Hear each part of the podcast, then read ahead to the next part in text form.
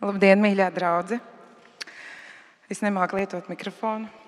Un mums eh, šodien šeit priekšā stāvēt nav viegli. Tas ir īpašs izaicinājums. Es esmu Andra, un tas ir mans vīrs Aigars. Šodien aprit tieši mēnesis, kopš mēs abi parakstījām šķiršanās vienošanos pie notāra. Un man jāsaka, ka es biju tā, kas to ierosināja, un biju gatava upurēt mūsu nepilnos 17 gad, eh, gadus ilgo laulību, kurā uzauguši ir trīs bērni un aug divi augu bērni šobrīd. Protams, ka es pārliecinājos, ka ar bērniem un augu bērniem nekas ne, ne, nenotiek tāds, ka viņi tiek izņemti no ģimenes. Pirms to mēs uh, parakstījām. Bet uh, tas tiešām nebija viegli. Un, uh, šobrīd mums mājās bieži izskan uh, teiciens, tas nav no dieva.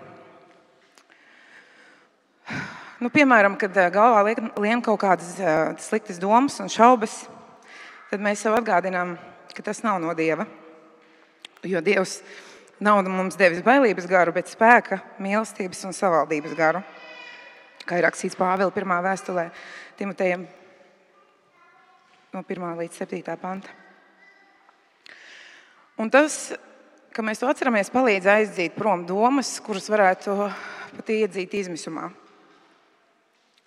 Lūk, atgriežoties pie šķiršanās fakta, tā doma, ka ir jāšķirās, man radās 8. jūnijā šajā gadā. Un, un kad viņa ienāca manā galvā, man šķita, ka tas nu, gan ir no dieva, nu, pilnīgi skaidra un tīra doma, ka tā, nu, tā reiz ir jādara. Man bija tāda sajūta, ka es savu, mīlu, ka es savu vīru mīlu tik ļoti, ka varu viņu palaist vaļā. Un šeit man jāpaskaidro vārdiem, kurus rakstīja mācītājiem Kārlim ka nekas tāds nav noticis. Tiešām mēs neesam bijuši viens pret otru vardarbīgi, vai nodevīgi, vai neusticīgi. Vienkārši kaut kā tā nodzīvojušies, rūpējoties par visiem apkārt, ka kaut kur to iekšējo laimības, laimības sajūtu pazaudējuši. Tā, es visu esmu sagatavojis šim faktam, ja? viss kārtībā. Tā. Jāpiebilst, ka vīrs man šodien ir blakām, un viņš neko nerunās. Jo mūsu ģimenēs es tā, kas runā, un viņš ir tas, kas dara. Citreiz, tā, es kaut ko izdaru, tad tas nekā, nu, citreiz pie laba nenovad. Ja? Tā. Nu, lūk. Trešais. Tā. Un es sapratu, ka es tā arī vairs nevaru un negribu. Nu, jo Dievs nav mums devis dzīvi, lai mēs vienkārši kaut kā dzīvotu nost. Un es izdomāju, ka esmu darījusi visu, un arī mans vīrs, kas ir mūsu spēkos, lai es būtu viņam vislabākā sieva un, un bērniem vislabākā mamma, kāda var būt. Un viņš varētu būt labākais vīrs. O, bet es jutos no, pamesta novārtā, un manai, manai mammas loma ņēma virsroku. Un, un es gāju meklēt kaut kādas padomas, un skolas, visādas kursus. Ārprāts, ja visu to naudu, ko es tērēju visādos īstu sieviešu un pozitīvās domāšanas eh, un uzvedības kursos un grāmatās. Ja es to naudu visu būtu ziedojis baznīcai, es domāju, ka šai vietai būtu zelta slēdzi un zelta rokturi. Un, bet visas manas cenšanās tikai vainagojās ar trauksmi un depresiju, un man bija jāsāk lietot antidepresanti un pakāpeniski palielinot devu. Un tajā 8. jūnijā es biju jau iztaigājusi ar suni pa mežu no rīta un nevarēju vien sagaidīt, kad vīrs modīsies, lai viņam pateiktu šo satriecošo frāzi. Lūk, šeit ir tava kafija, un es domāju, ka mums ir jāšķiras. Jūs varat tikai stādīties priekšā. Kā jūtās? Mans aigars. Es domāju, ka sievietēm tā ir biežāk. Kaut kas nepatīk, un viņš domā, viss nav īstais, taču nav īstais, ir jāšķirās. Es domāju, ka vīrietis šitā negrēko savās domās. Es domāju, ka manam vīram nekad tā doma nav ienākusi prātā. Bet man tobrīd pa visu visvairāk pasaulē gribējās dot viņam iespēju būt laimīgam. Jo ļoti grūti ir redzēt savu vistuvāko cilvēku nelaimīgu. Jo, manuprāt, nedrīkst laulībā būt nelaimīgiem. Un es nezināju, kā, kā to nelaimīgumu pārtraukt. Arī Aigars nezināja. Tā, tā pašā laikā es uzreiz pateicu, pieteicu vizīti pie notāra, un jau pēc astoņām dienām mūsu laulībai tika pielikts punkts. Un tas nemaz nebija tik viegli, kā izklausās. Mēs runājāmies un raudājām, un katru dienu līdz šķiršanās, un pēc, arī pēc tam. Liels atbalsts bija draudzene. Es jau baidījos, ka man vispār izmetīs ārā no draudzes. Nu, kas tā dara? Taču nedrīkst šķirties. Visi labi zina, ka ticīgi cilvēki nešķirās. Jā. Bet es ļoti paļāvos uz Dievu, ka Viņš visu vērš par labu. Jo es gribēju, ja mēs arī izšķiramies, lai tās mūsu šķiršanās ir skaista, jo mums nav savā starpā nekāda naida. Mēs pat aizgājām uz kafejnīcu, pasēdējām sirsnīgi. Es pat uzdāvināju viņam skaistu atklātnīti ar imanta ziedoņa vārdiem. Tur bija kaut kas rakstīts nelielies ar sēklām. Un es esmu zieds un baudu, jo zieds ir šīs mirkļa piepildījums. Nu, pavisam skaisti. Es esmu arī skolotājs, jo nevaru kaut kā tā pavirši izšķirties. Man tā vajag skaisti. Nu, lūk, un es paļāvos tomēr uz Dievu. Šī šķiršanās pieredze mūsu laulību pacēla pavisam citā kvalitātē. Mums abiem Dievs atvēra acis un sirdis atvēra vēl plašāk. Satrieca visus aizvainojumus un lepnumu, visas mazās sāpītes, dziedināja un deva mums savu mīlestības spēku, ieraudzīt vienam otru ar citām acīm.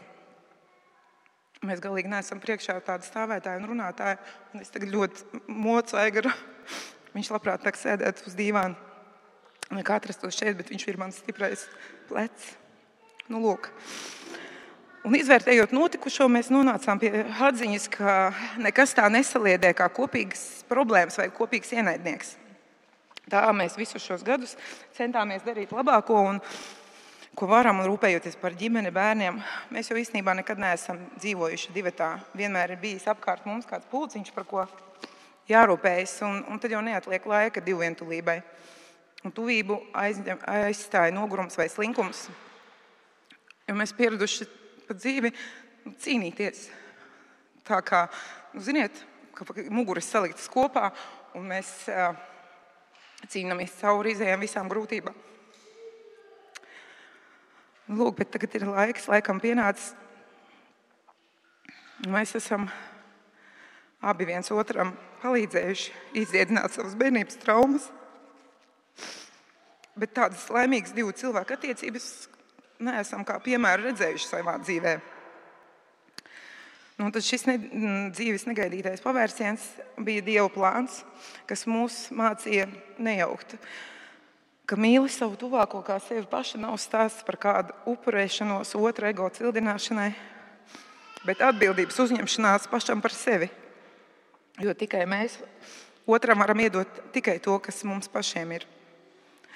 Un otra atziņa ka savaldīšanās nav savu emociju noliekšana un neizrādīšana, bet gan konstruktīva emociju pieņemšana un izteikšana, saglabājot cieņu un mīlestību vienam pret otru.